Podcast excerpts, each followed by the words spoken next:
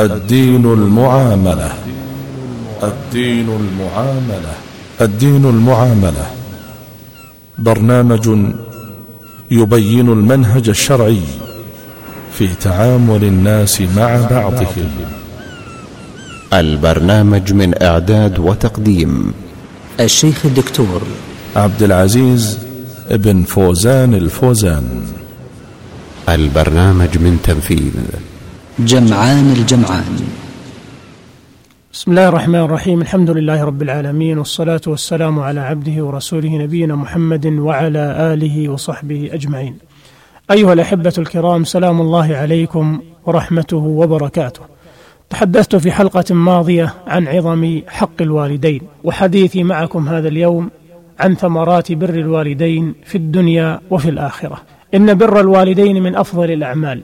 وأجل القربات وأحبها إلى الله عز وجل وأزكاها عنده وأحظاها لديه وهو من أكبر أسباب كسب الثواب وتحصيل الحسنات وتكفير السيئات ومن أقرب الطرق الموصلة إلى الله عز وجل والفوز بجنته ورضاه بل لقد جعل الله رضاه في رضا الوالدين وسخطه في سخطهما وجعلهما أوسط أبواب الجنة بل جعل الجنة تحت أقدامهما. فعن عبد الله بن عمرو بن العاص رضي الله عنهما عن النبي صلى الله عليه وسلم قال رضا الرب في رضا الوالد وسخط الرب في سخط الوالد رواه الترمذي وابن حبان والحاكم.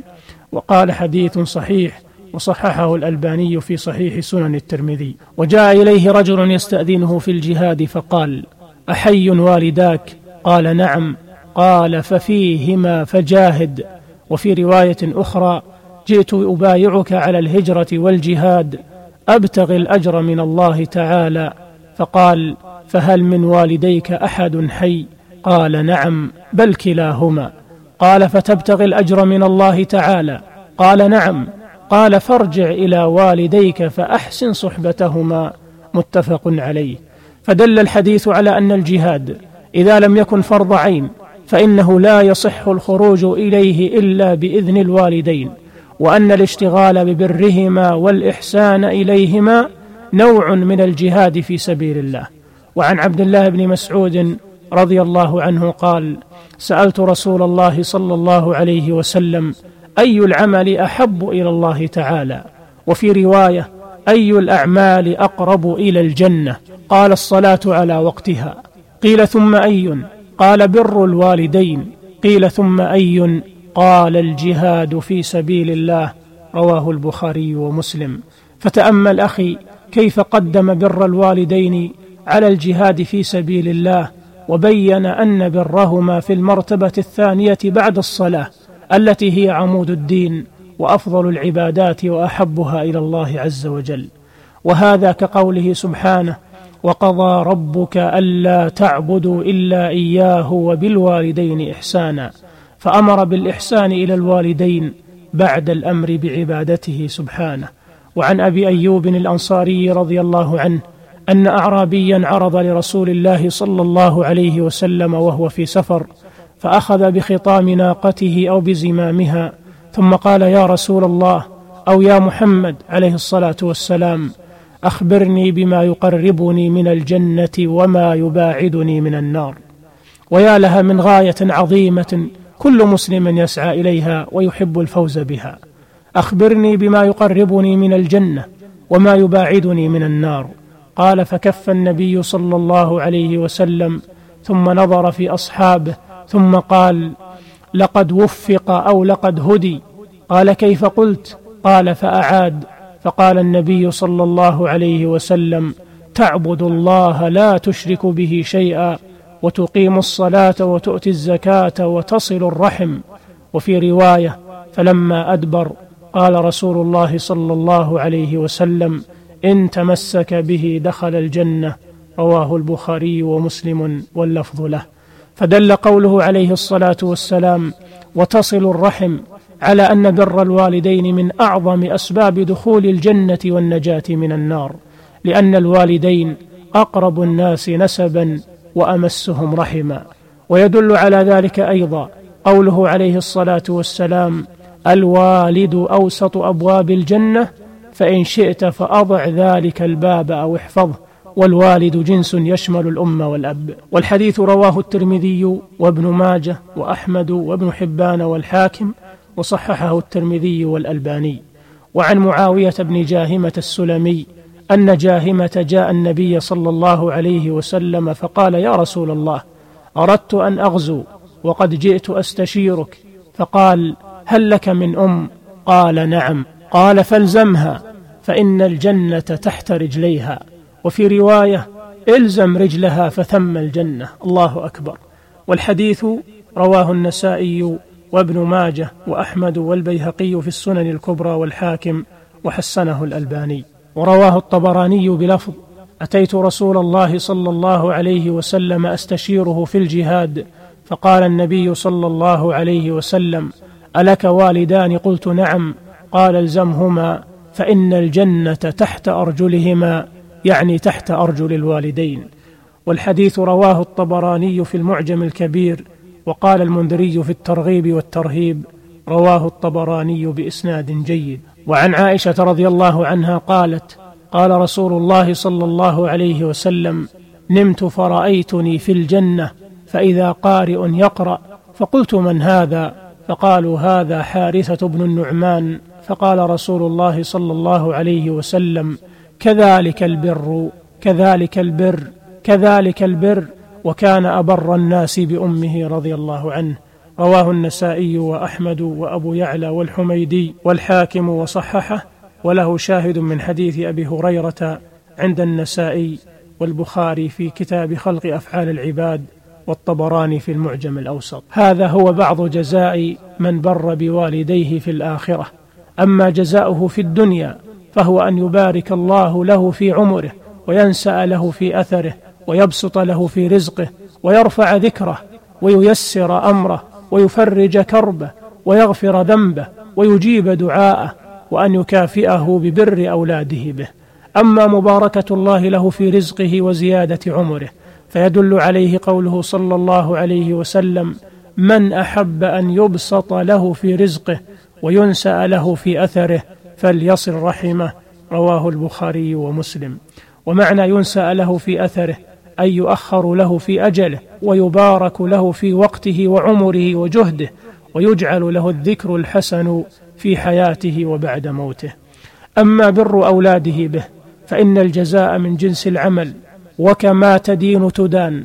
وفي الحديث عن ابن عمر رضي الله عنهما مرفوعا بروا آباءكم تبركم أبناؤكم وعفوا تعف نساؤكم. رواه الطبراني في الأوسط. وابن عبد البر في التمهيد وقال المنذري في الترغيب والترهيب رواه الطبراني بإسناد حسن. ورواه أيضا هو وغيره من حديث عائشة والواقع شاهد لذلك. فكم من عاق لوالديه عوقب بعقوق أولاده به وصدودهم عنه وهذا من عدل الله تعالى بعباده وما ربك بظلام للعبيد وقد صدق القائل وإن كنت لا ترعى أبوة من رعى حياتك فالنكران شر المثالب. تظل شحيح النفس لا بر عنده وتبقى جحودا لا تقر بواجب. غدا تعبس الدنيا بوجهك كي ترى حياة تهاوى مثل بيت العناكب. تنوء بحمل من عقوق وذلة ويوم حساب فيه عدل المحاسب. عن وهب بن منبه قال إن الله تعالى أوحى إلى موسى صلوات الله وسلامه عليه يا موسى وقر والديك فإن من وقر والديه مددت في عمره ووهبت له ولدا يوقره ومن عق والديه قصرت في عمره ووهبت له ولدا يعقه. وعن ثابت البناني رحمه الله قال روي أن رجلا كان يضرب أباه في موضع فقيل له ما هذا؟ فقال الأب خلوا عنه. فإني كنت أضرب أبي في هذا الموضع فابتليت بابني يضربني في هذا الموضع هذا بذاك ولا لوم عليه. وكم من القصص التي نسمعها في واقعنا المعاصر عن عقوق أولاد بوالديهم بمثل ما كانوا يعقون آباءهم. أما تيسير أمر البار وتفريج كربه وإجابة دعوته فيشهد له قصة أولئك النفر الثلاثة الذين آواهم المبيت إلى غار فدخلوه فانطبقت عليهم صخرة فسدت فم الغار فتوسلوا إلى الله بصالح أعمالهم أن يفرج الله عنهم. فقال أحدهم اللهم إنه كان لي أبوان شيخان كبيران وكنت لا أغبق قبلهما أهلا ولا مالا فنأى بي طلب الشجر يوما فلم أرح عليهما حتى ناما فحلبت غبوقهما فوجدتهما نائمين فلبثت والقدح على يدي أنتظر استيقاظهما حتى برق الفجر فاستيقظا فشربا غبوقهما. اللهم إن كنت فعلت ذلك ابتغاء وجهك ففرج عنا ما نحن فيه من هذه الصخرة فانفرجت قليلا وتوسل صاحباه بصالح أعمالهما فانفرجت وخرجوا يمشون. والحديث في الصحيحين وقد بوب عليه الإمام البخاري بقوله باب إجابة دعاء من بر والديه. وأما تكفير ذنب البار فإن بر الوالدين من أفضل الأعمال الصالحة. والله تعالى يقول إن الحسنات يذهبن السيئات. والنبي صلى الله عليه وسلم يقول وأتبع السيئة الحسنة تمحها وخالق الناس بخلق حسن. وعن ابن عمر رضي الله عنهما أن رجلا أتى النبي صلى الله عليه وسلم فقال يا رسول الله إني أصبت ذنبا عظيما فهل لي من توبة؟ قال هل لك من أم؟ قال لا.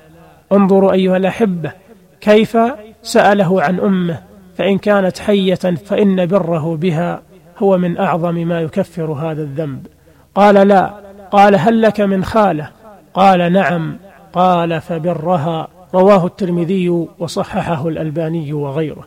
وإذا كانت هذه بعض ثمرات بر الوالدين فحري بكل عاقل ناصح لنفسه أن يحرص على بر والديه وإكرامهما والقيام بما يجب عليه نحوهما وأن يفرح أشد الفرح بأن أدركهما ليبرهما ويشكر فضلهما فيدخل الجنة بسببهما ويسعد في الدنيا وتتيسر أموره ويغفر ذنبه كما قال النبي صلى الله عليه وسلم رغم أنف ثم رغم أنف ثم رغم أنف قيل من يا رسول الله؟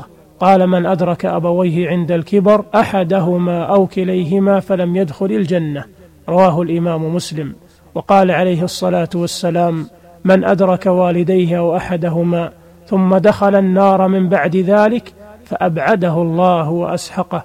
رواه الإمام أحمد والطبراني وأبو يعلى وحسن إسناده المنذري في الترغيب والترهيب.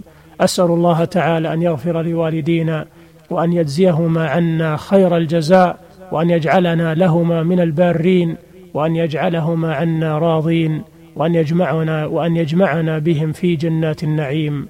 وإلى لقاء آخر. أستودعكم الله الذي لا تضيع ودائعه. والسلام عليكم ورحمة الله وبركاته.